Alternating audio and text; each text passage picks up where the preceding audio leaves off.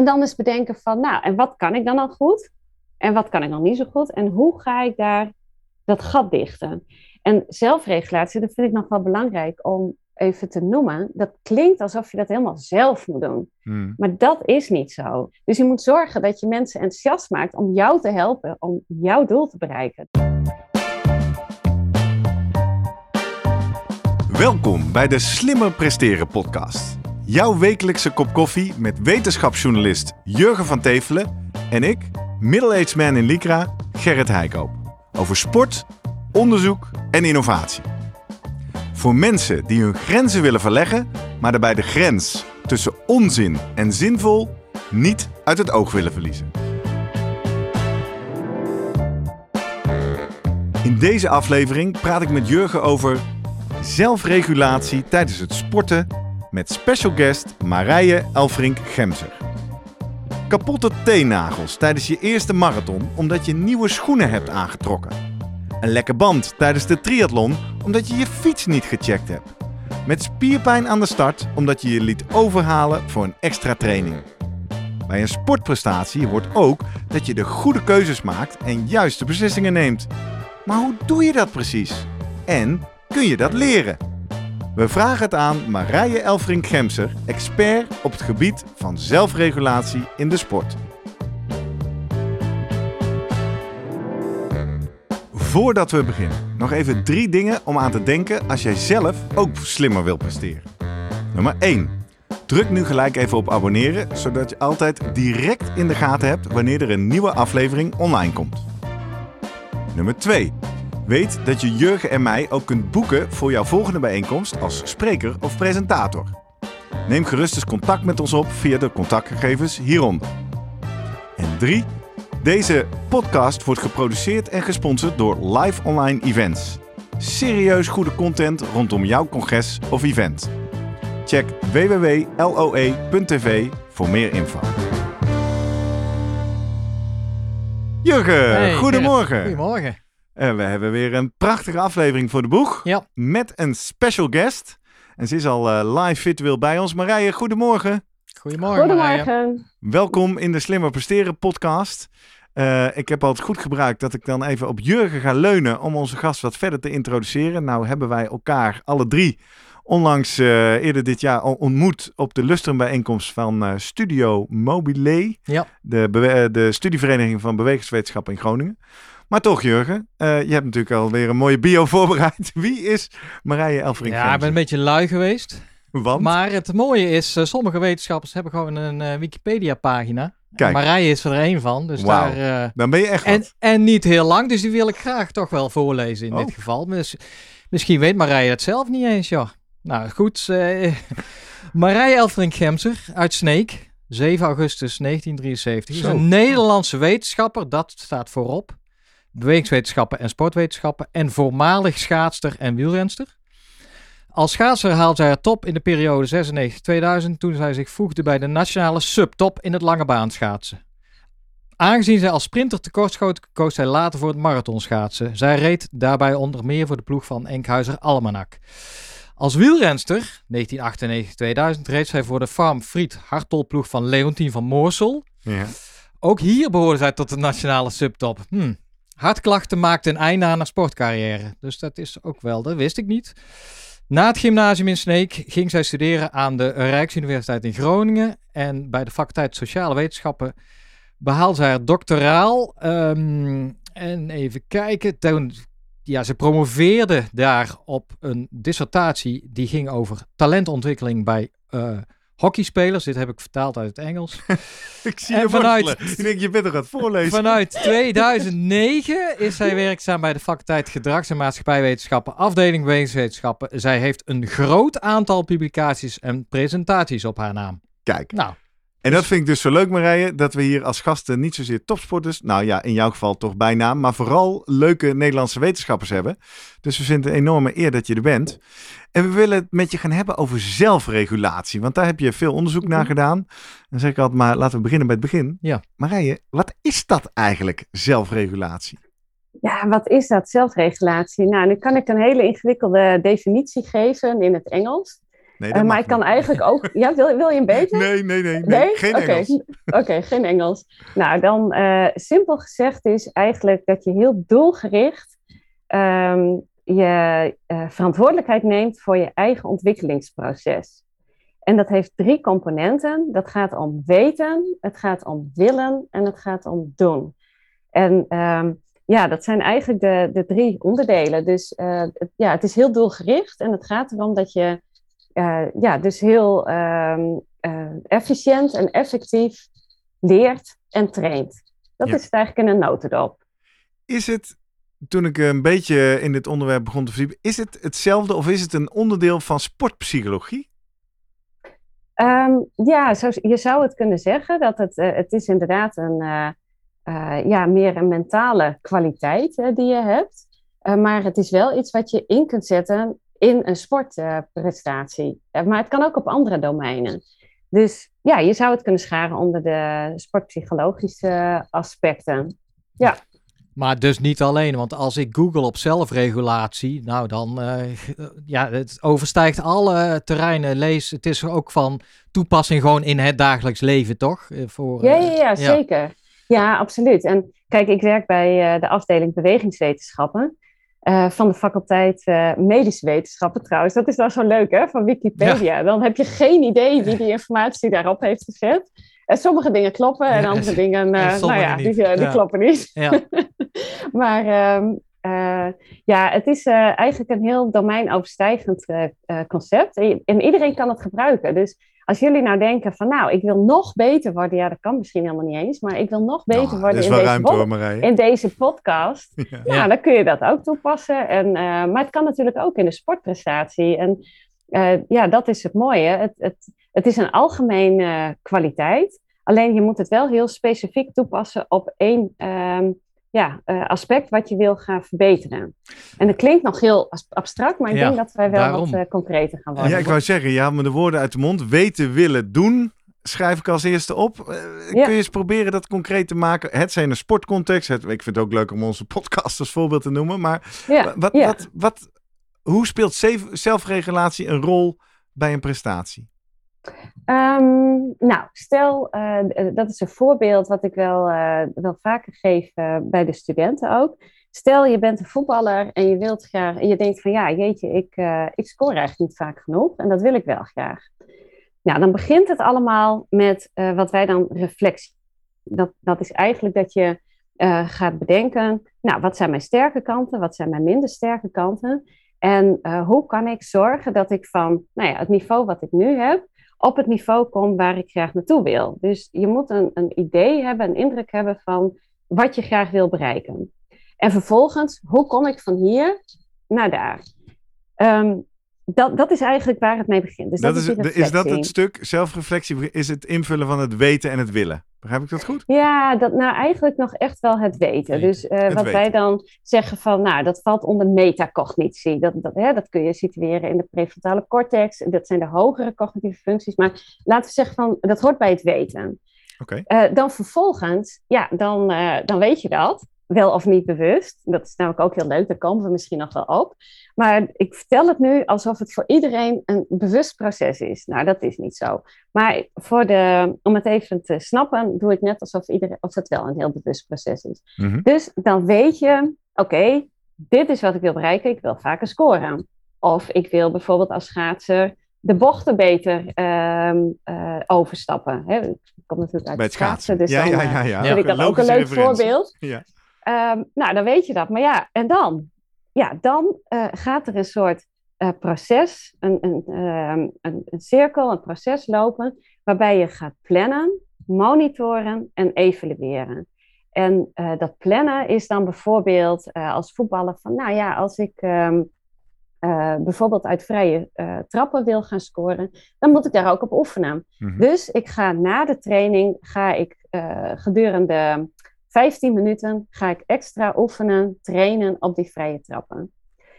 Nou, dat is leuk, maar als je vervolgens niet bijhoudt of je dan ook daadwerkelijk eh, vaker scoort eh, tijdens die vrije trappen, dan werkt het eigenlijk niet. Dus je moet dan, als je zegt van nou, ik ga dat 15 minuten doen, dus je hebt een bepaald blokje wat je dat gaat doen, dan moet je ook bedenken van, nou, dan tel ik bijvoorbeeld van de 20 keer, hoe vaak schiet ik die, die bal er dan in?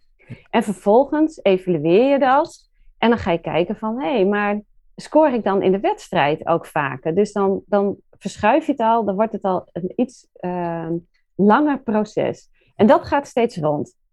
Maar dat ga, werkt... Ik ga je af en toe misschien onderbreken hoor, want ik hoor je in de bijzin zeggen, als je het niet meet, dan werkt het niet. Vind ik opvallend, want ik zou zeggen, als ik gewoon uh, iedere training een kwartier extra vrije trappen ga oefenen, of ik het nou tel of niet, dat werkt toch? Nou ja, dat is wel, wel leuk. Nee, dat, dat hoeft niet per se te werken, want misschien doe je wel de verkeerde dingen. Aha. En dan kun jij het je misschien helemaal niet voorstellen. Maar uh, oefenen, gewoon maar op het oefenen. En uh, trial and error is op zich uh, best wel een, een goede leermethode. Ja. Maar het is wel het idee dat je ervan leert. Dus je moet wel van je fouten leren. Dus als jij merkt van ja, de manier waarop ik die vrije trappen neem, uh, ik doe het elke keer op die manier. En ja. Uh, ja. dan gaan ze er niet vaker in. Dan word jij ook niet beter. Helder. Dus, dus dan sluit je eigenlijk die loop tussen dat extra trainen en die eerste zelfreflectie. Dan moet je wel aan elkaar knopen. Anders is het maar doelloos ja, dan uitvoeren. Je, ja, en dan, dan werkt dat dus gewoon niet goed. Dan, dan, uh, ja, dan kom je niet verder. En dan vervolgens, ja, dat is dus een cirkel. Dus die cirkel die ga je steeds opnieuw in. Maar dat werkt alleen als je ook daadwerkelijk ehm, daar natuurlijk gemotiveerd voor bent en dat je echt je best doet. Dus wij noemen dat dan, uh, onderdeel is dan effort en uh, self-efficacy. En dat is dat je ja, eigenlijk ook wel gelooft dat je dat kunt. Dus je hebt wel overtuiging. Hè? Je moet er wel van, uh, ja, eigenlijk vertrouwen hebben dat datgene wat jij dus doet met dat oefenen, dat het ook daadwerkelijk wel bijdraagt aan jouw prestatieverbetering. Ja. Dat is het willen. Dus de, de Dus het, het willen is die, is die concrete, dat invullen van die interventie in feite. Dat ik zeg, hé, hey, ik heb gereflecteerd, ik wil iets veranderen en nu ga ik dat door middel van dit plan en deze checks, ga ik dat doen. Ja, en dan, ja, en dat, oh, dat is mooi, want jij zegt nu ook van dan ga ik dat doen. En dat is ah, ons derde, hè? dat is het derde, dat is het gedrag. Ja. Want uh, ja, dat kennen wij waarschijnlijk, kennen jullie ongetwijfeld ook. We hebben uh, allemaal wat voorbeelden, nou ja, voorbeelden van fantastische planningen. Dat zie ik bij onze studenten ook wel. En die kunnen dat heel goed. En die zeggen ja, ik ben echt heel gemotiveerd. Ik wil het echt graag en ik ga ervoor. Maar ja, dan doen ze het niet. Ja, dan heb je er niet zoveel aan. Dus je moet het ook wel gewoon echt doen. En um, ja, wat wij dan ook wel uh, zien, is dat je soms bij trainingen ja, sommigen die staan al op het veld of die, uh, die staan op het ijs op het moment dat die Samboni van het ijs komt. Dat is die schuifmachine, de, de dwelmachine. Ja. Uh, nou, dan heb je het mooiste ijs. Uh, en die zijn ook echt gewoon heel um, serieus dan met bepaalde opdrachten bezig. Ja, en anderen die zitten nog in de kleedkamer. En dan komt die trainer zo, nok, nok, nok. jongens, kom op, het is tijd, laten we gaan. Ja, en dat en, en hoe je dan met die training uh, omgaat en ook hoeveel rendement je uit die training haalt. En wat we zien is dat de, de talenten, die, uh, of, maar niet alleen getalenteerde sporters, maar mensen die zich meer verbeteren in dezelfde tijd, ja, die zijn toch, uh, die leren eigenlijk efficiënter en effectiever in dezelfde training. Die halen er gewoon meer uit. Dus even los van de trainings uh, opbouw en de inhoud van de training die, hè, die een trainer of een coach uh, voor jou uh, bedenkt, ja. Um, haalt de een daar gewoon meer uit dan de ander. En dat heeft te maken met deze aspecten hm. van. en ik hoor je in deze laatste opmerking hoor ik je terugredeneren, toch? Dan zeg je opeens, hé, hey, wij zien mensen die goed presteren. Dan kijken we hoe gedragen die zich in een training. En dan zie je dit soort ja. Deze grondhouding in feite. Ja, want, dit is het, het, onderzoek, dat vind ik wel leuk, uh, wat jij al bij heel veel verschillende soorten sporters hebt gedaan, verschillende disciplines. Mm heb jij dit gemeten dus en, en verschillen gevonden in, uh, tussen verschillende atleten en ook ja, dat gekoppeld uiteindelijk aan prestatie? Kun je vertellen van uh, ja, bij welke groepen sporters heb je inmiddels gekeken en hoe, ja, hoe kom je daar eigenlijk achter? Hoe kan je zelfregulatie meten in jouw onderzoek? Ja, ja, dat is een hele goede vraag. Want als wetenschapper wil je heel graag daar getalletjes aan kunnen verbinden. En dan wil je vergelijkingen kunnen maken. En dat is best heel lastig. Zeker als het om ja, aspecten gaat, zoals gedrag, zoals ja, mentale kwaliteit, hè, sportpsychologische kwaliteit werden al even genoemd. Hoe meet je dat nu eigenlijk? Nou, dus daarvoor zijn we uh, bij de sportpsychologie uh, ja, heel goed in de literatuur ook gaan kijken. Gekeken van, ja, hoe is dat eerder al gedaan? En wij hebben uiteindelijk hebben wij in de beginfase gekozen voor een vragenlijst. En dat is de Self-Regulation of Learning Self-Report Skill. En die naam die zegt eigenlijk al self-report. Dat betekent dat je dat over jezelf gaat invullen. Hmm. Dus dat is een vragenlijst met onderdelen voor um, nou, die planning, voor het monitoren, voor het evalueren, voor reflectie, maar ook voor uh, effort en voor uh, self-efficacy. En ja, ik moet eerlijk bekennen dat in de beginfase dacht ik, ja, weet je, gaan ze dat wel eerlijk invullen? Kunnen ze dat wel invullen? Um, maar er is gebleken dat als je dat bij grote groepen uh, sporters doet en je, uh, je gaat groepen met elkaar vergelijken, dat je toch systematisch elke keer weer dezelfde verbanden terugvindt. Dus dat gaf ons wel vertrouwen. En um, ja, dus dat is met een vragenlijst uh, zijn we daarmee begonnen. Uh, dat was in het promotietraject van Laura Jonker. En ook Tinke Touring is daar toen uh, mee begonnen. Dat is al een tijd geleden. Die, zijn, die meiden zijn inmiddels al lang gepromoveerd. En zij zijn begonnen met het ehm, scholieren van wat destijds nog loodscholen waren. Dat was verspreid ah, over heel Nederland. En dat zijn scholen voor, waar dan jonge uh, sporttalenten hun school met uh, de sport kunnen uh, combineren. En nu heet dat topsporttalentscholen. Ja. Um, en dus, nou ja, flauwe ja, kritische vraag Marije, maar ik kan me voorstellen, juist omdat het gaat onder andere over of je plannen maakt, of je checkt, of je doelen bijstelt. Ja is dit instrument zelf al niet een behoorlijke interventie? Want ik kan me voorstellen, als ik door jou word uitgenodigd om deze zelfverslaglegging te doen, dat jij dat proces nogal stimuleert. Ja. ja, en dat is eigenlijk ook wel het hele mooie ervan. Want dat betekent dat het ook een hele praktische toepassing heeft. Nee, eens. Dus maar kun je dan wel de effecten, het is een beetje wetenschap filosofisch hoor, maar kun je dan wel de mhm. effecten isoleren? Want jouw, jouw meetinstrument is eigenlijk al een soort interventie. Ja, ja nou nu hebben we geen uh, interventies. Uh, we, uh, we, wilden niet interventies gaan evalueren. We hebben gewoon de, of gewoon, maar we hebben de stand van zaken hebben we in kaart gebracht. Dus het was observationeel onderzoek. En dat klopt, dat het invullen van die vragenlijst mogelijk ook al een soort van interventie is. Maar we hebben eigenlijk gewoon de, de stand van zaken op dat moment in kaart gebracht. Dus hoe vullen die getalenteerde sporters. En ze zijn getalenteerd bevonden door hun eigen sportbond. Ja, door de selectie dat je naar die school ja, ging. En, ja. wij hebben daar dus niks mee te maken gehad. We hebben, niks, uh, wij hebben het niet gebruikt voor nee, selectiedoeleinden. Dus wij hebben gewoon um, gekeken van, nou, dit zijn kinderen die zitten in een uh, sportselectie. Blijkbaar worden ze als talent aangeduid. Hoe scoren zij nu eigenlijk op aspecten van zelfregulatie? En dat hebben we ook bij um, uh, scholieren gedaan die ook op die school zaten, maar niet op het hoogste ah, niveau sporten. Ja, ja, ja. En we hebben dat gedaan bij uh, kinderen die um, uh, bijvoorbeeld heel goed zijn in muziek of op een ander terrein heel goed zijn, ja. maar niet zozeer in de sport. En daar hebben we um, ja, allerlei vergelijkingen in gemaakt en ook bijvoorbeeld gerelateerd aan het schoolniveau. Dus we hebben gekeken bij leerlingen op het VMBO en op de HAVO en op het VWO en gekeken van ja, is het nou zo dat dit aspecten zijn die kenmerkend zijn voor kinderen die op uh, de wat hogere uh, schooltypes zitten. Oh of, oh ja, of zien we daar geen verbanden? Ja. ja. Hey, en hoe lang uh, was zo'n meetperiode dan? Hoe lang moest zo'n lijst invullen? nou, het invullen van de lijst zelf duurt ongeveer 15 tot 20 minuten. Ah ja, maar ik bedoel hoeveel dagen of weken, maanden? Hoe vaak deed je het? Wat is de oh, gewoon één keer. Eén keer. keer. Ah. Eén keer. Um, maar tijdens tijdens hebben... op welke leeftijd, op welke klas uh, ging dat om?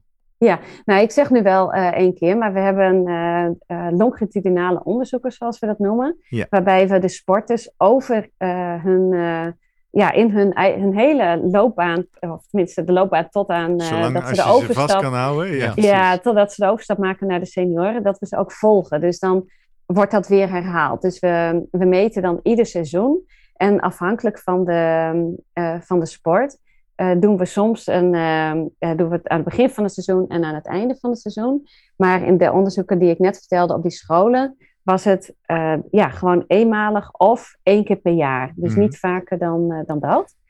Ehm, vanaf welke leeftijd? Nou, die vragenlijst is gevalideerd vanaf 12 jaar. Dus vanaf de brugklas konden die leerlingen dat goed invullen. En dat hebben we met een groep van meer dan 1200 kinderen ook eh, gevalideerd. En nou ja, wat je dan doet is ehm, die vragenlijst eerst bij de helft van, eh, van al die leerlingen, die hebben dat ingevuld. En vervolgens hebben we met eh, factoranalyse gekeken van nou, welke onderdelen zitten daar dan in. Dus een soort ja, factorstructuur gemaakt. En zo zijn we ook op dat weten en dat willen gekomen. En vervolgens, want het, gedrag hebben we niet in die vragenlijst goed mee kunnen nemen. Dat wilden we wel graag, maar dat was te ingewikkeld en eh, te onbetrouwbaar. Eh, dat, eh, en ook niet valide genoeg. Dus in die vragenlijst die wij hebben ontwikkeld zitten alleen de componenten weten en willen. En vervolgens hebben we met een andere groep van ruim 600 eh, scholieren hebben we gekeken of diezelfde factorstructuur weer terugkomt. Dus of je, nou, dat noem je dan conformatieve factoranalyse, of je dat dan weer, eh, of de, de data, het model ook eh ja. Valideert. goed eh. Ja. Ja. en nou ja, op die manier hebben we dus echt wel vertrouwen ook in die vragenlijst, omdat we daar, daar is een heel lang proces aan vooraf gegaan. Ehm, maar dat gedrag wilden we natuurlijk ook graag Nou, weten. ik ben benieuwd. Want, Ja. en, en ik realiseer Ja. me, we schieten een aardig methodologisch eh, konijnenhol in. Maar het is toch wel interessant. Nee, het is denk ik ook Het wel is, interessant eh, voor onze het, eh, luisteraars. heel zorgvuldig ja, hoe, hoe doe je nou sportwetenschap of hoe doe je psychologiewetenschap in dit geval? Waarom kon je dat gedrag niet meten? Omdat dat dan een, een verklaring is die niet zoveel Ja. waard is of zo? Ja, nou ja, dat weet ik niet. Nee, het is wel veel waard. Alleen het schoot een beetje alle kanten op. Het- Er zitten zoveel verschillende aspecten aan. En Ehm, uiteindelijk hebben we gedacht van, ja, is dat wel mogelijk om dat in een algemene vragenlijst goed uit te vragen? En daarom heeft ehm eh, promovendus destijds, promovendus uh, Tinke Toring, die, wat ik al zei, die is, ze zijn inmiddels al lang gepromoveerd. Maar die heeft eh, specifiek alleen binnen het voetbal eh, haar onderzoek eh, gedaan. Dus Laura die heeft over allemaal verschillende sporten dat gedaan, over die loodscholen verspreid over heel Nederland. Maar Tinke die heeft bij de voetbalopleidingen, jeugdopleidingen, heeft zij onderzoek gedaan en eh, zijn we gewoon gaan filmen. Dus die heeft het gedrag geobserveerd ja. en die heeft met kwalitatief onderzoek ehm, ja, en ook met interviews eh, heeft zij uiteindelijk dat gedrag in kaart gebracht. Maar dat is heel tijdrovend en intensief, dat, eh, dat zul je begrijpen. Dus dan kun je ook kleinere groepen, dan kun je geen 1200 eh, Nee. ehm, eh, jeugdsporters eh, eh, gemakkelijk mee in kaart brengen. Hey, En ik zit te denken, we weten nu een abstracte definitie wat het is. Weten willen doen. We weten hoe je dat gemeten hebt in die verschillende vragenlijsten. Maar hebben we eigenlijk Plus al met observaties, hè? Ja, plus observaties. maar hebben we nou eigenlijk al het effect De eh, resultaten. besproken? Wat, wat heb je Ja. nou gevonden? Ja, nou ja, eh, wat wij eh, consistent eh, zien terugkomen is dat de, de sporters die uiteindelijk ja, zich meer verbeteren over een seizoen en ook over de jaren heen, die zijn gekenmerkt door een hoge mate van reflectie. Dus die scoren daar steeds ook hoger op. Ehm, en eh, dan sporters die op een iets lager niveau eh, eh, sporten. En helemaal, ehm, ze, scoren sowieso ook hoger dan sporters die op een nog wat lager niveau sporten.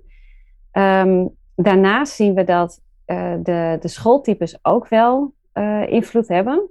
Ehm, dus ja, VWO'ers die scoren daar over het algemeen wat hoger op, eh, VWO en HAVO, dan VMBO. Maar dat wil niet zeggen dat het een één op één relatie is. Dus ehm, het is niet zo dat je niet heel goed kunt worden in sport als je niet HAVO-VWO Mm. eh, hebt gedaan. Want die sporttalenten op het VMBO, die scoren er juist ook weer heel Ja, ja. erg hoog op. Dus dat zijn eigenlijk Ja, dan die uitzonderingen. Dus het is niet precies hetzelfde. Het lijkt wel zo te zijn dat je, eh, als je het beste uit jezelf wil halen, dat, het hand, dat, dat dit een manier is om dat om in te zetten. Maar ik vind het nog Dus- heel voorzichtig wat jij eh, zegt. Ik als, eh, als journalist en eh Ja, boekenschrijver welke onder kop andere. zet jij erboven? Ik zet, want ik zeg altijd tegen anderen van ja, talent, talent. En dan zeggen ze nou, mijn kind heeft talent voor dit en dat. Ik zeg altijd, nou, op 14-jarige leeftijd, dan zijn heel veel kinderen nog even goed in hun sport. En dan heb je natuurlijk fysiologische, Mhm. fysieke verschillen. Maar de beslissende factor uiteindelijk of ze de top halen, is of zij op die leeftijd, hoe hun zelfregulatie capaciteiten zijn. En dan refereer jij naar onderzoek uit De- en Groningen. dan refereer ik naar jouw onderzoek. Is dat te kort door de bocht? Eh, want dan komt het eigenlijk op het punt van, Ja. ja, kun je zelf- Is het een zelfregulatie... voorspeller? ja, Ja. is een voorspeller voor de top bereiken. Of Mhm. een belangrijke voorspeller in ieder ja. geval. Nou ja, het is een mogelijk. eh, eh, het, het speelt mee in de verklaring waarom de een wel en de ander misschien niet eh, zijn potentie waarmaakt. Het is wel ook te, te ontwikkelen. En eh, we weten inmiddels ook dat Ja, in de even. Voordat adolescentie... je, voordat je daar naartoe gaat, Marije, want dan willen wij Ja. natuurlijk ook weten, want dan hebben wij er wat aan. Ja. Maar Ja. niet over deze vraag heen stappen, dat vind ik wel spannend. Nee, nee, nee, nee, nee. Heb je, heb Ja, je een causale relatie kunnen vinden tussen inderdaad Oh. hoge zelfregulatie en sportprestatie? En zo niet ook goed, maar dan moeten we nou, Jurgen even causaal- terugfluiten. Ja, nee, ik vind causaliteit vind ik gewoon Ja. zo ja, eh, ingewikkeld, want dan is het echt oorzaak-gevolg. Ja. En in dit type onderzoek ehm, is dat gewoon zo lastig om, Ja. dat, om dat echt zo ook Ja, aan kun je te niet hard maken Het natuurlijk. is, nee, nou, dat, dat vind ik zelf ehm, eh, wel ingewikkeld. We hebben wel studies ook eh, die laten zien dat als je. ehm, en dat is eigenlijk ook wel heel mooi opgezet hoor, maar dat is dan niet een, een duidelijke interventie. Maar eh, jeugdsporters twee jaar voor de overstap naar de senioren, ehm, die hoog scoren op eh, bijvoorbeeld reflectie, dus als onderdeel van zelfregulatie, die eh, ehm, zijn veel vaker eh, bij de internationale top, ook als zij eh, bij de senioren sporten, dan degene die wat lager scoren. Dus toen hebben we ze gematcht. En op jongere leeftijd, toen we nog niet wisten wie uiteindelijk de top haalde en wie niet. En eh, toen bleek dat degene die op hoog niveau in de jeugd sporten, maar laag op zelfregulatie, vaker die overstap niet succesvol konden maken. Dus die zakten Mhm. wat af.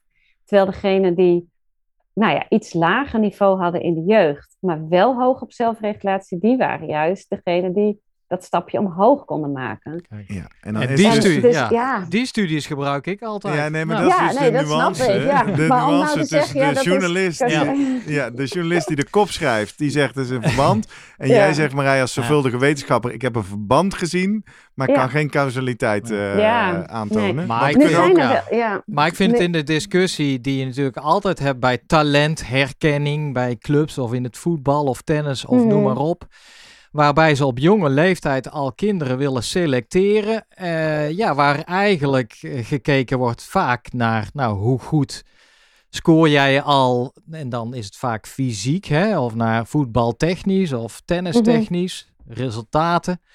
En eh, terwijl ik denk, ja, maar dat is nog zo beperkt eigenlijk op die leeftijd. Juist de mentale component van zelfregulatie, die moet je daar ook in meenemen. Dus le- Ja. lees van, deselecteer je niet mensen die misschien op dat moment het niveau nog niet hebben in tennis of voetbal of noem het welke sport, maar Mhm. juist de mentale capaciteiten van zelfregulatie wel hebben. Mhm, mhm. En eh, ja, in hoeverre wordt dat eigenlijk wel al voldoende meegenomen in, eh, nou ja... Weet je dat, Marije? Of jouw onderzoeksresultaten Ehm, inmiddels bij de bondsbureaus eh, op tafel liggen? Ja, ja, ja, ja, ja zeker. De- er wordt best wel veel mee gedaan, vind ik.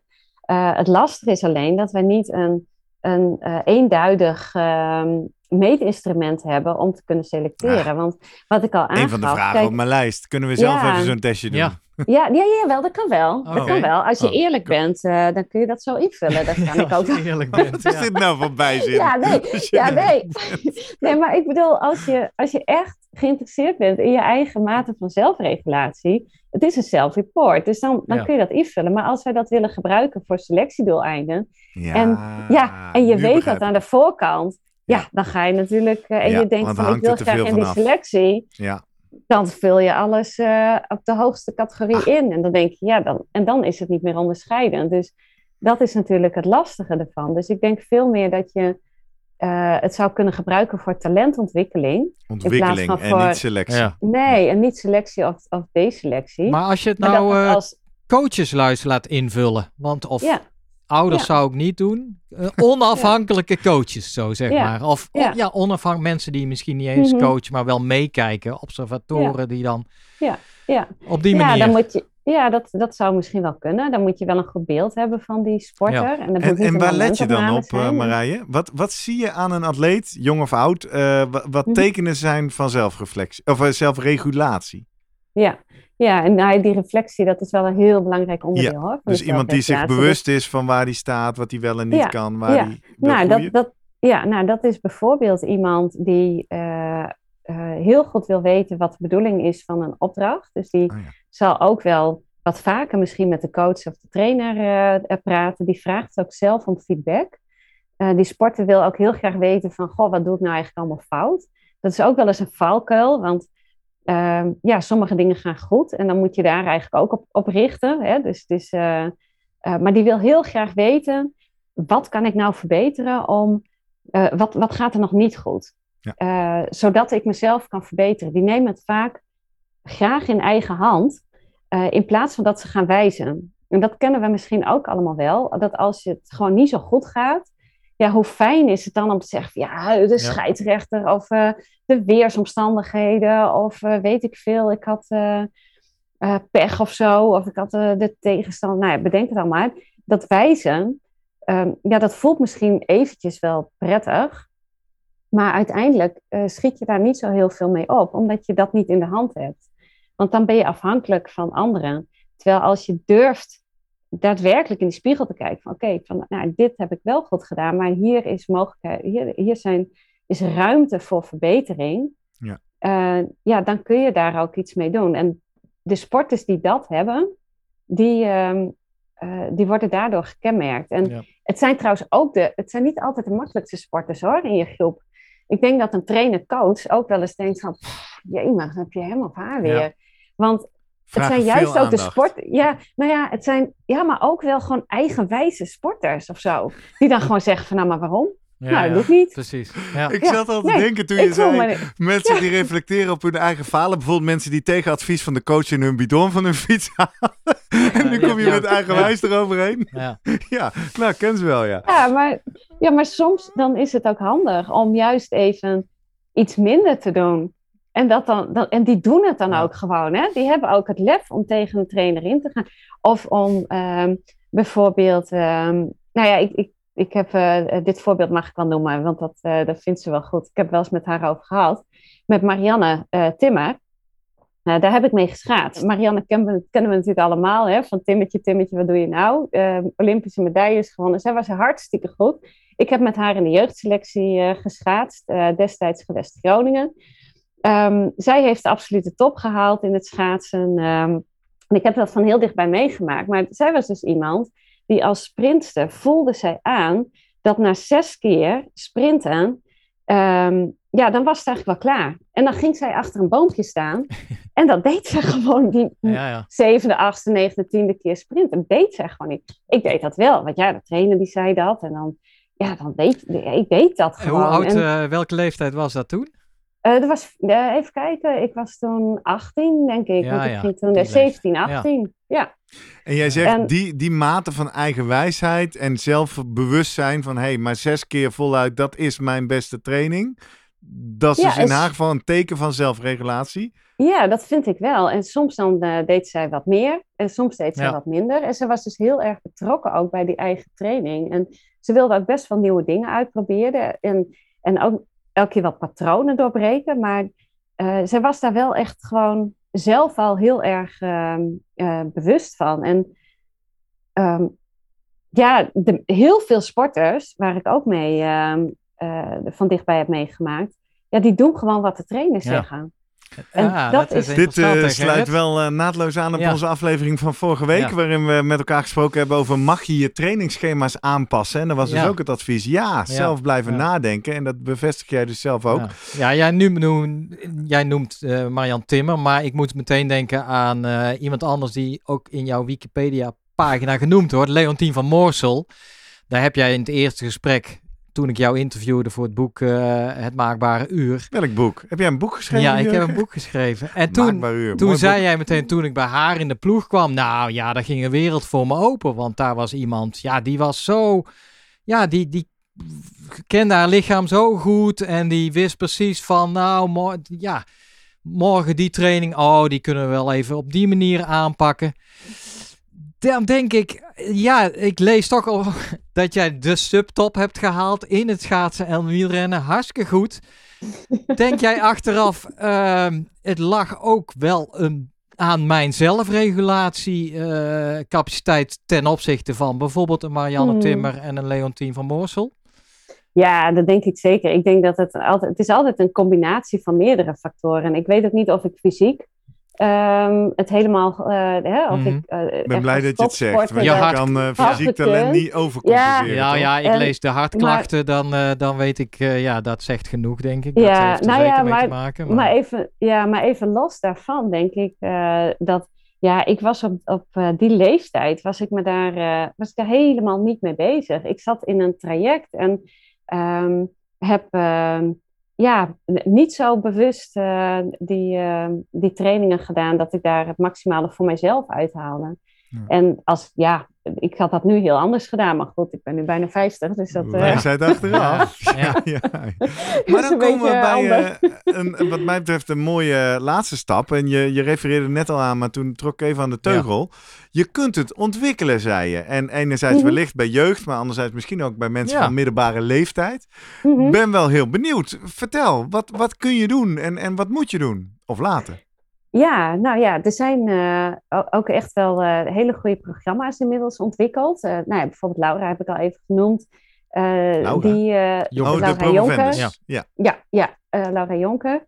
Ehm, en ehm, eh, nou ja, ook bij, bij de Hogeschool Arnhem-Nijmegen zijn ze met dat soort programma's eh, al best wel ver. Maar je kunt ook al zelf eh, gewoon bedenken van, nou, wat is nou eigenlijk het doel wat ik wil halen? En daar eens even bij stilstaan. En in plaats van dat je op een soort lopende band eh, maar meegaat in de, de, ja, de, de stroom van, eh, van alle dag, eh, bedenken van wat wil ik bereiken? Nou, en dat doen jullie volgens mij al heel, heel duidelijk hè, met ja, een doel stellen voor een marathon of voor een triathlon of weet ik wat allemaal.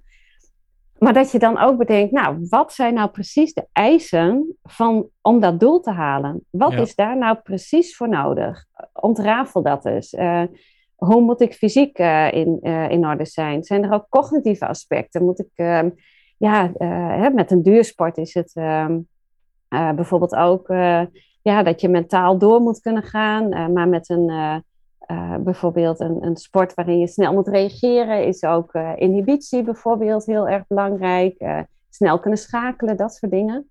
En dan eens bedenken van, nou, en wat kan ik dan al goed? En wat kan ik dan niet zo goed? En hoe ga ik daar dat gat dichten? En zelfregulatie, dat vind ik nog wel belangrijk om even te noemen. Dat klinkt alsof je dat helemaal zelf moet doen. Hmm. Maar dat is niet zo. Het gaat erom dat jij het gevoel hebt van, maar ik ben verantwoordelijk. Ben zelf verantwoordelijk om dat doel te halen. Maar ik kan natuurlijk heel veel mensen, eh, kan ik daarvoor eh, inzetten. Dus je moet zorgen dat je mensen enthousiast maakt om jou te helpen, om jouw doel te bereiken. Dus eh, dat is ook iets van hoe creëer je een omgeving waarin je jouw doelen kunt bereiken. Ja, en dan dus die cyclus ingaan, hè, met dat plannen en monitoren en evalueren en zo. En ja, dan ehm, eh, steeds even weer terugkijken en van zit ik nog op schema of niet? En als ik niet op schema zit, wees dan niet bang om, eh, om ook eh, aanpassingen te doen. Ja, ik vind het eh, hartstikke mooi, maar ik ga het meteen bij mezelf denken. Sportdoelen, ja, oh, nou, dan, dat betekent als ik echt sportdoelen, ja, dan moet ik toch even de familiesituatie, ja, dan kan ik beter met mijn partner een tijdje vaarwel zeggen, et cetera. Nou, laat maar zitten dan. Dat is denk ik wel een voorbeeld van, ach, ik, eh, het, is, het is ook prima zo natuurlijk. Dus ik, ik stel mijn doelen toch niet zo heel hoog wat dat betreft. Ehm, Sterker nog, ik hoor jou altijd redenen verzinnen waarom Ja. je niet voluit hoeft te gaan, nee, toch? precies. En ik, ik ken mijn beperkingen ook veel te goed, denk ik soms. Van, denk ik, daar past het ook wel in. Dus ik ben ook benieuwd eigenlijk naar die vragenlijst. Ik vind het wel goed Ja, om het straks in die, eh, die show notes wij- te stoppen voor iedereen. Ehm, Ergens vinden als een linkje in de show notes zetten, Marije? Ja, dat is, dat, dat is een beetje. eh, Ja, hmm, daar moet ik nog steeds goed over nadenken. Want wij hebben die lijst, die stel ik eh, eh, ruimhartig altijd wel beschikbaar aan andere onderzoekers Maar. en wetenschappers.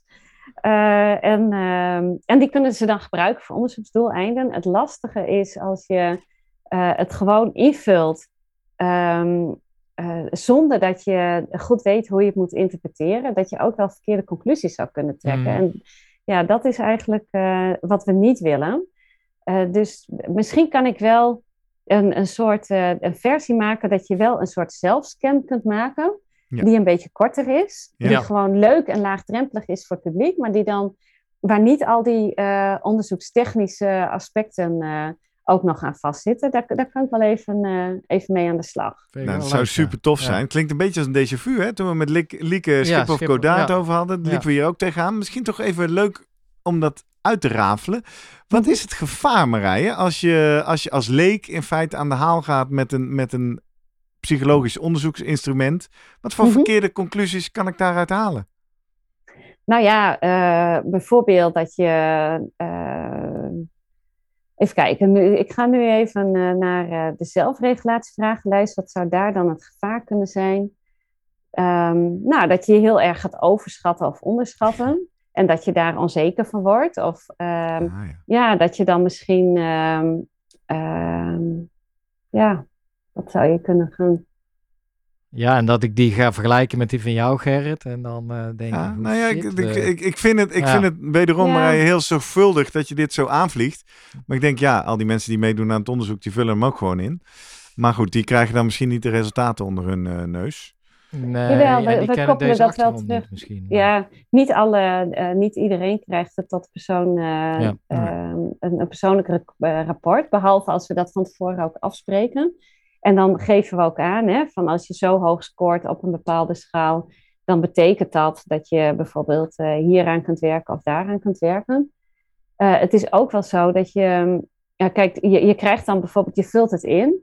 Eh, en dan heb je een score van, ik zeg maar wat, vier op een vijfpuntschaal. Ja. Maar wat betekent dat dan? Mm, hè? Is die vier, is dat dan hoog of is het dan Ja. laag? Moet je er wel aan werken? Moet je er niet aan werken? Hoe moet je daar dan aan werken? Dus ja, dat is, wij zijn er als, als ehm, ja, in de wetenschap zijn we daar misschien ook wel wat terughoudend in. Ehm, maar ehm, ja, dat heeft ook wel. ehm, Nee, heel goed. Ik zit ook meer te denken, is er niet een soort tool waar je, waar je die reflectie mee faciliteert? Hè? Misschien hoef ik niet eens zo nodig die scoren. Ja. Maar dat Ja. je zegt, wat zijn nou de vijf of de tien of Ja, de vijftien vragen Ja. die je voor jezelf eens moet beantwoorden om dat re- zelfreflectie en, ja. en willenpootje op gang te krijgen? Nou, ik vind het wel een hele mooie. En we hebben, eh, dat heb ik nog niet genoemd. eh, bijvoorbeeld Eileen Post eh, doet ook eh, onderzoek binnen een talentengroep bij de zwemmers. En die heeft ook eh, weer laten zien dat het, eh, ja, bijvoorbeeld de evaluatie en eh, met name ook die reflectiecomponenten echt wel heel belangrijk zijn om uiteindelijk ja, de, heel veel progressie te kunnen maken binnen een zwemseizoen, was dat dan in dit geval. Ja. En ook daarvan zeggen die trainers en coaches van ja, alleen al het invullen en ook de sporten zelf, ja, dat heeft ook al eh, meerwaarde. Hè? Mhm. Want het opent ook het gesprek Ja, dat eh, geloof ik wat heel je erg. met, je met je sporten kunt bereiken. En ook gewoon voor jezelf. En je kunt dan met, ja, misschien met andere sporters van, goh, ik heb het ingevuld, ik eh, heb het zo ingevuld, hoe heb jij het ingevuld? Oh, jij zit veel hoger, ik zit lager, herkennen we dat ook? Ja. Dus in dat opzicht denk ik van, ja, is eigenlijk wel heel, zou wel heel mooi zijn. Dus ik ga er wel eens even een, een versie van maken die wel, nou ja, waarvan ik denk van, nou, die kan niet zoveel, eh, die kan, niet of niet zoveel die kan geen schade berokkenen, want dat, dat wil je Dat natuurlijk moeten we absoluut niet niet. Nee. Maar een Nee, soort maar eh, het. spiegeltje. Ja, precies, van, die eh, spiegel. ja. Je, je refereerde al even toen we elkaar kort voor de uitzending spraken aan die aflevering 113, nu zo'n zes weken geleden met Jens van Lier, wielerpsycholoog, die de doelenpyramide introduceerde. En ik heb dat toen ook voor die marathon van Amsterdam gedaan. En Mhm. alleen dat al, en misschien doe ik Ja. daar niet helemaal goed, of weet ik veel, daar is vast inderdaad van alles over zeggen. En Jens zal natuurlijk zeggen, dat moet je met mij doen, want ik moet jou helpen interpreteren. Dat geloof ik ook. Maar alleen al zo gestructureerd over jezelf een keer nadenken, Ja. Mhm. ja, is al ja, ik ben heel erg van glas half vol. Is al Ja. heel veel meer dan helemaal niet daarover nadenken natuurlijk. Ja, Is het nou, want ik zit toch te denken, wij, eh, wij hebben dit ooit, eh, deze podcast, opgezet met het idee om onze luisteraars een beetje te leren onderscheid te maken tussen dingen die zinvol, onzin zijn en ook vooral niet te veel onnodig geld uit te geven Geld, aan, energie, aan gadgets, aan, aan fietsen, aan hardloopschoenen. Ik kan me ook wel ergens voorstellen, een, een mens stelt een doel van nou, een bepaalde tijd op de marathon. En heeft dan al heel snel het idee, ja, dan heb ik allemaal nieuwe Dikke spullen schoenen nodig, nodig. hebben dikke schoenen nodig, et cetera.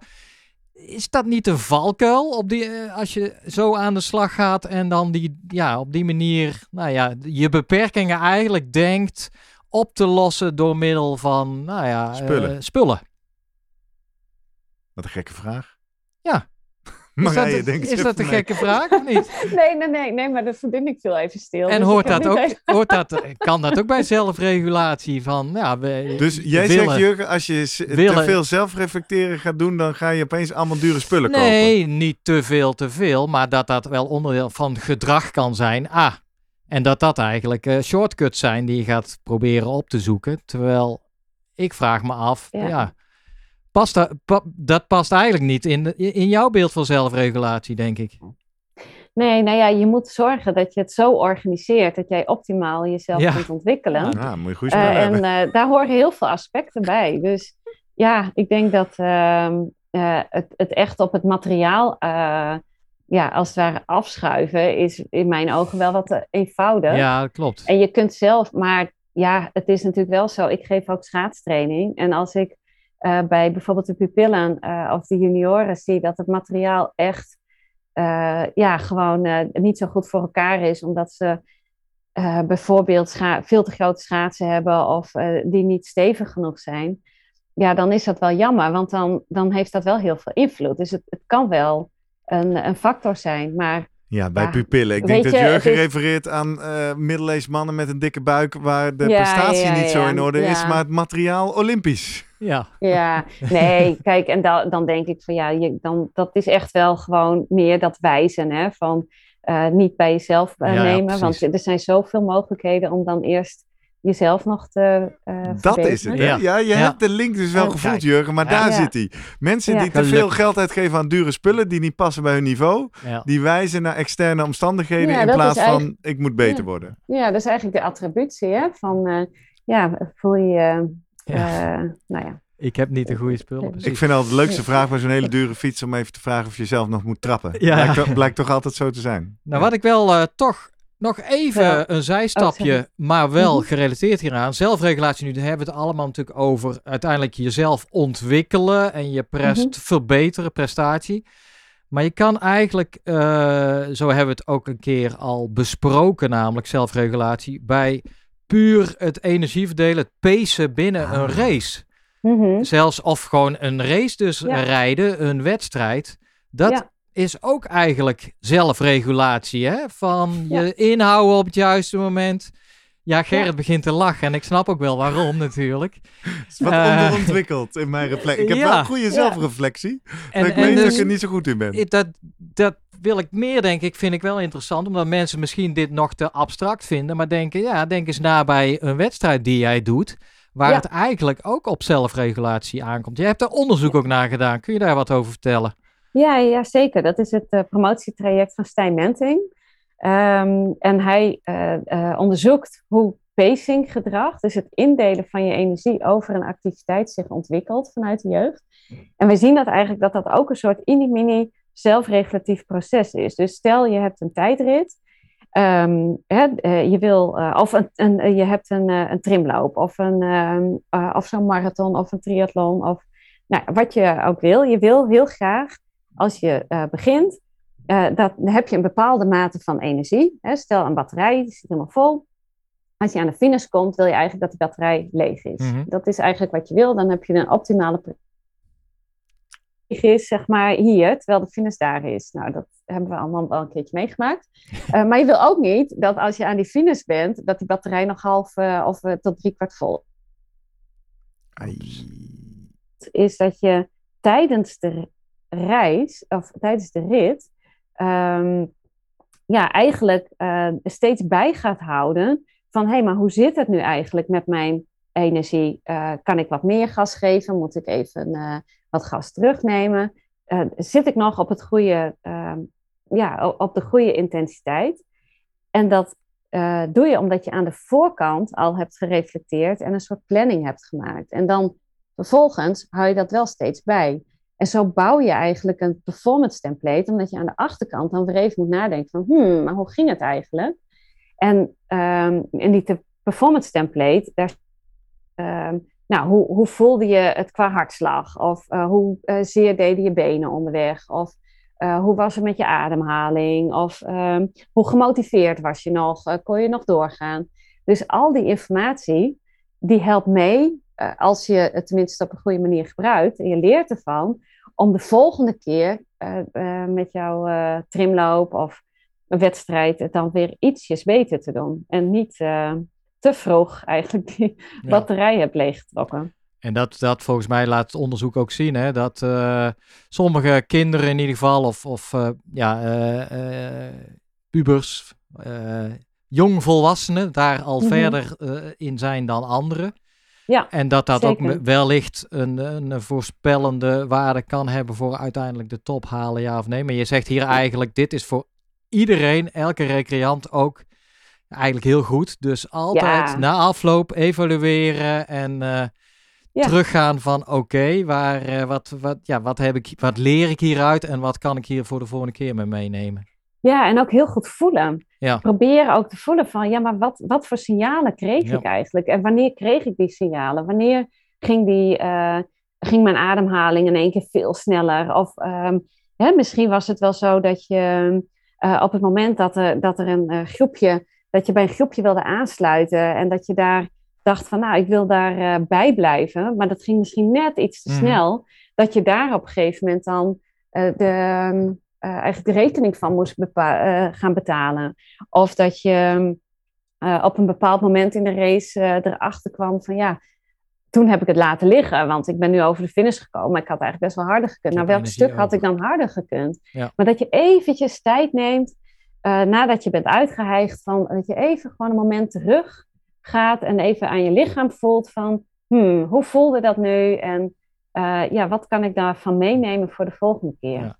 Dus het is niet alleen weten hoor, het is ook heel erg. eh, Ja. Nou, Maar dan denk ik ook meteen van, ja, is het dan nooit goed? Moet je altijd weer eh, terugdenken aan en altijd weer dingen vinden nee, van... Nee, ik zou jou inhaken Ja. hier. Slimmer presteren podcast. We hadden het vorige week al in de aflevering over al die slimme AI, artificial Ja. intelligence, kunstmatige intelligentie. Dit is nou wel waar volgens mij bijvoorbeeld die hardloopvermogensmeter om de hoek komt. Nou, niet zozeer die vermogensmeter zelf, maar die app en die algoritmes die daarachter zitten. Die, eh, en dat hoor ik van meerdere mensen om me heen die dat ding gebruiken, inderdaad uitrekenen. Wacht even, gozer. Als dit jouw vermogenscurve is en als je dit op 1, 5 en 10 minuten Ja. kan, dan kan jij dit op een marathon. En ik heb nu natuurlijk al twee keer aan mezelf bewezen dat, ik, dat, dat, dat de software al zag dat Ja. ik meer kon dan ik ooit zou durven pacen, zeg Ja, maar. ja. Dus dat is wel een soort nieuw element in deze zelfregulatie. Ja. Dat nu de berekeningen en de modellen, eh, maar wel ook hierin gaan helpen. hmm, Nee, maar ja, kijk, ik, ik speel natuurlijk en ik ben ook eh, echte recreant. En ik denk, ah, ik wil gewoon lekker sporten en, Maar eh, dat mag altijd, hè? en, en ik hoef niet per se heel veel beter te worden of noem maar op. Zeg Maar jij dan in het performance template van Marije heb jij gewoon een Ja, dat batterijtje zo. over. Dat is prima. kan dat? Ik bedoel, is het erg om geen zelfregulatie te hebben of heel weinig zelfregulatie bij het sporten dan? Of ga je uiteindelijk, geeft dat nadelen van dat je afhaakt misschien, motivatie kwijtraakt? Niet het beste uit jezelf haalt. Ja, hoe kijk jij daarnaar? Ja, ja, dat is lastig, want iedereen die sport natuurlijk met een ander, eh, ander doel. Het kan een prestatiedoel zijn, maar je kunt ook een sociaal doel hebben. En als jouw doel is om, eh, want je doet wel mee hè, met die activiteiten, dus blijkbaar vind jij het wel leuk om dan eh, daaraan, daaraan mee te, te doen Mhm. en om je daarop voor te bereiden. En ja, dat die tijd dan misschien wat minder belangrijk is of de prestatie op zich. Je vindt het wel leuk om aan de finish te komen, neem ik aan. Hè? Eh, Ja. je, je, gaat, je begint niet om eh, Toch? uiteindelijk uit te? Ja. Waar- het- waarom schrijf toch? jij eigenlijk in voor die het is wedstrijden? niet specifiek ik. ik Jawel, het is wel jij. Want Nee. er gebeuren hier gekke dingen bij jou. Nee, waarom want- schrijf jij je in voor dat soort nee, wedstrijden? ik, de persoon, want ik zou zeggen dat zijn juist de mensen die doen nooit aan wedstrijden waarschijnlijk ook mee. Nee, maar jij doet wel aan wedstrijden en dan ga je vervolgens de hele tijd zeggen... het kan mij niet Nee, schelen maar hoe ik probeer het een aan doe. beetje een tegen. Ik probeer een beetje eh, de, de Hmm. luisteraar die zegt, maar ik ben net begonnen met sporten, et cetera. Maar ik vind het wel leuk om het nu gewoon even over jou te hebben. Ja, ja, Waarom nee, schrijf jij je eigenlijk in voor dat soort wedstrijden? Laat mij maar eerst die vragenlijst, die scan invullen, dan komen we wel achter. Je duikt hem gewoon drie keer. Ja. Wat is Je dit? leert jezelf wel goed kennen hoor, als Ja, je dit zeker. soort dingen eh, doet. Nee, en weet je... Ik lig ehm, hier een beetje op de slakbank bij de psycholoog. Is zo bij, ja. Ja. Ja, nee, mooi. Maar ehm, Ja, precies. Nou, laten we het daar maar bij laten. Maar hij gaat het niet vertellen, Marije. Dus ik zal het eh, de komende tijd eens proberen te achter- achterhalen. ja, heel goed. Ik had nog één ding. Ik weet niet of de tijd het toelaat. ja, ja. maar eh, als je als eh, trainer, coach hier nu ook iets mee wilt. En je denkt van, goh, nou die zelfregulatie is eigenlijk best heel belangrijk voor mijn sporters. Ja. Mhm. eh bijt dan zo nu en dan je tong af. Vertel, vast uit eigen ervaring met jouw pupillen op de schaatsbaan. Ja, ook dat. Maar ook wel uit onderzoek. eh, ons eigen onderzoek, maar ook ander onderzoek. Ehm, als je alles voorschrijft, dan haal je eigenlijk eigenaarschap weg bij de sporters. Hmm. En dat is nou juist wat je niet wil. Dus wat wij gezien hebben ook wel, is dat eh, trainers die echt de meest fantastische eh, planningen hadden gemaakt en met periodiseringen, weet ik wat allemaal, niet per se altijd de meeste talenten aan de top afleveren. Terwijl trainers die natuurlijk ook een goed jaarplan hebben en inhoudelijk goede trainingen maken en ook echt wel schema's maken, maar meer ruimte laten voor individuele invulling vanuit die sporten zelf, dat die vaak ehm, ja, meer eh, sporters eh, of meer talenten aan de top eh, afleveren, om zo maar te zeggen. Vind ik En- wel spannend. Kun je Ja. die nog één slag concreter maken? Als, je, als, als jij, misschien uit je rol Ja. als, als trainer bij de Ja. pupillen op de schaatsbaan, of, of een, Ja. een Ja. trainer die mij via Training Peaks begeleidt. Hoe, Ja. hoe ziet die ruimte eruit? Nou, bijvoorbeeld, ehm, ik geef eh, een opdracht, dan moeten ze eh, vijf keer een 300 meter schaatsen, eh, waarbij ik dan ga letten op hoe ze de bocht aansnijden en hoe ze doorversnellen in de bocht als schaatser. Hè? Dus Mhm. ik sta daar te kijken, Mhm. zij, zij zijn het aan het doen en ik zie dat ze de bocht niet goed aansnijden. En dus gaat, op het moment dat jij die bocht niet goed ingaat, ja, dan, dan wring je er eigenlijk een beetje doorheen. En dan kun je niet die, te- dat, die versnelling doorzetten die je graag zou willen. Nou, dan wil ik heel graag wil ik dat zeggen tegen ze van ja, maar ehm, je, je deed dit niet goed of je deed dat niet goed. En als je nou je, je schaats precies zo zet en je hangt op die manier in de bocht en je gaat op die manier je heup laag, dan gaat het beter. Dus dat moet je gaan proberen. Dat wil ik dan heel graag zeggen, want Ja, ik zie dat Hè? gebeuren. Je wil ze helpen, ja. Ik wil ze helpen. Ja, maar wat ik dan geleerd heb uit het onderzoek, maar ook uit eigen ervaring, is dat je dan soms beter even kan vragen van, goh, nou, hoe ging die bocht nou eigenlijk? Ja, hm, hm, hm, ja, hm, nee, dat ging niet zo goed. Waarom ging dat niet goed? Ja, Ja. jij initieert dat het zelfreflectieproces bij de atleet Ja. zelf. Ja, en, en wat dan ook kan helpen, is dat iemand die dat wel goed doet, dan zijn natuurlijk altijd ook wel eh, rijders die dat wel goed doen, dat je zegt van nou ga daar eens achter. En dan zeg je het dus niet, maar dan gaan ze het nadoen van degene die, de- dus zet je iemand ervoor die dat, dat stukje heel goed doet, dan moet die ander er achteraan en die moet dat meedoen en dan vraag je van nou, en nu lukt het wel. Waarom lukt het nu wel? Hmm. Oh ja, nou, en dan komen zij zelf. Oh, maar ik moet die schaatsen anders plaatsen. Ik moet mijn heup lager. Ik moet beter hangen, weet ik wel. En dan beklijft het veel meer en dan leren ze veel beter. En wij hebben als... eh, ja, en ik ben nu ook heel veel aan het woord. Dus nu moet ik eigenlijk ook mijn, mijn eh, tong een beetje afbijten. dus dan ben ik het ook allemaal aan het uitleggen. Maar als docent en als trainer, je wil zo graag de kennis uitstorten. Ja. Maar soms moet je dat echt niet doen. Je moet even tijd geven om dat ze het zelf leren. En dat ze fouten kunnen maken. En dat ze... Ja, en dan leren ze veel beter. Nou, met fouten maken gaat het wel goed hier in de Slimme podcast. Ik doe mijn best. Nou ja, Ik doe mijn best. ik denk nog even terug aan Wolfgang Schulhorn, waar we Ja. het laatst over gehad hebben. Een paar weken Uiteindelijk, terug. Fouten bestaan niet. Er Nee. zijn fluctuaties en uiteindelijk het lichaam leert daarvan. En dan en denk ik terug aan Jens van Lier en zegt zijn Ja. gelegenheden om te leren. Ja, Kortom, ja. mooi. Wat een mooie toevoeging Marije. Dat is een lekker concreet advies. Ook al had je dat dan eigenlijk moeten uitvragen aan een trainer. Nou, soms moeten we ook maar gewoon dingen tot ons nemen, toch? Ja. Ja. Dan hebben we van Jens geleerd, dan beklijft het waarschijnlijk niet. Maar als ze dan de volgende keer fout doen, dan herkennen ze misschien de fout wel. Oh nee, er is geen fout. Nou, anyway. Verbetermogelijkheden. Lastig, ja. Verbetermogelijkheden. Super. Dankjewel voor de toelichting. En, en, en ja, wij kijken natuurlijk heel graag uit naar een, een mooie vragenlijst of een zelfreflectie-instrument. Mocht het er nooit van komen, want Ja. ik heb al vaker gemerkt, soms komen hier hele mooie ideeën langs in de podcast. Eh, de intentie is er. Ik hoop dat het lukt. En eh, Zeker. als het zo is, dan communiceren wij erover. Nou, dat is een mooi bruggetje.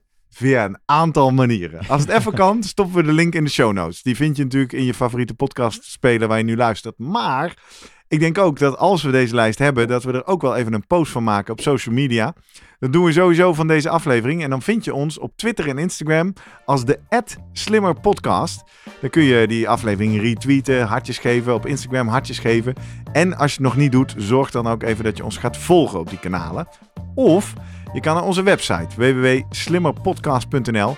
Vind je van iedere aflevering een eigen pagina, een eigen link. Die kan je dan oppikken en rondsturen en doorsturen. Bijvoorbeeld met die laatste tip even naar collega-trainers bij de club of uh, waar je ook maar actief bent. Zeg, hey, je moet even die aflevering luisteren, want zeker op het eind zit een mooie tip. Stuur hem vooral door. Of je kan ons mailen via post.slimmerpodcast.nl. Ik ben wel even benieuwd, uh, Marije. Um, veel gefietst, hardlopen, doe je dat ook?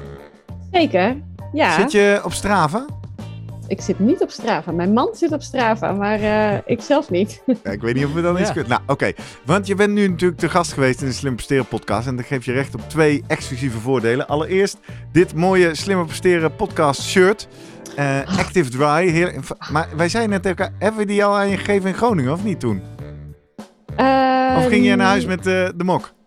Uh, nee, ik heb dat t-shirt al, maar ik heb hem weggegeven. Oh, ah, nou, nou, dan sturen we ja, er zeker niet ja, nog één op. Wil maar, jawel, jawel, jawel. Dat vind ik heel leuk. Ja, ik vind dat t-shirt heel leuk. Nee, wij zijn... Uh, ik heb het aan een, uh, een, een, vriend in Amerika gegeven. Want oh. die wilde ook heel graag een zo'n mooie En die luistert nu ook naar de Slimmer Presteren podcast? Nou, dat... International. Ongetwijfeld, ongetwijfeld. Ja, jullie gaan echt helemaal de wereld over. Nou, dan komt die sowieso jouw kant op. En ik wilde dus zeggen, als, als gast word je ook uh, toegelaten tot de exclusieve Slimmer Presteren podcast Strava Club. Maar ja, daar zit je dan niet op, dus dat kan niet. Laat ik dan nog even die uitnodiging doen aan alle luisteraars. Als jij vriend of vriendin van de show wordt, betekent dat je één keer per maand een kopje koffie doneert. Ga naar vriendvandeshow.nl slash slimmerpodcast. Dan uh, krijg je ook toegang tot die Strava Club en 25% korting op alle items in uh, de webshop. Dat is zo'n shirt, dat is zo'n leuke mok. Of dat boek waar eh, deze aflevering al aan werd gerefereerd. En als je dat bestelt bij ons in de webshop, gesigneerd exemplaar, hè? Zeker. Zeker. Dus maar goed, die heb jij natuurlijk al lang gelezen, Marije, want je staat erin, hè? Zeker. Ja. Die uh, staat bij mij uh, prominent in, uh, in de boekenkast. Ah, ergens ik dacht al iets te zien daar op de Oh, ja, die blauwe ja, daar. Kijk, ja, daar, staat hij, daar staat hij. Ja. nou, dankjewel Marije. Ja, superleuk. Wat tof dat je te gast wilde zijn bij ons in de podcast. En nou ja, mocht je leuk onderzoek hebben, leuk nieuws, dan nodigen we weer graag. Of mochten we nou een stortvloed aan vragen krijgen, mogen we je dan nog een keer uitnodigen?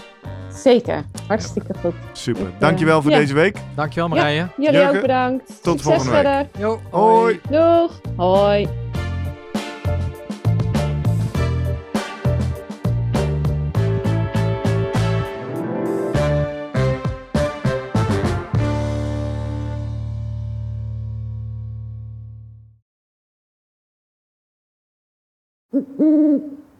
Hey, pst. Voordat je weggaat, denk er nog even aan uilentorenloop.nl. Dan zien we je de eerste zaterdag van juni. Tot dan!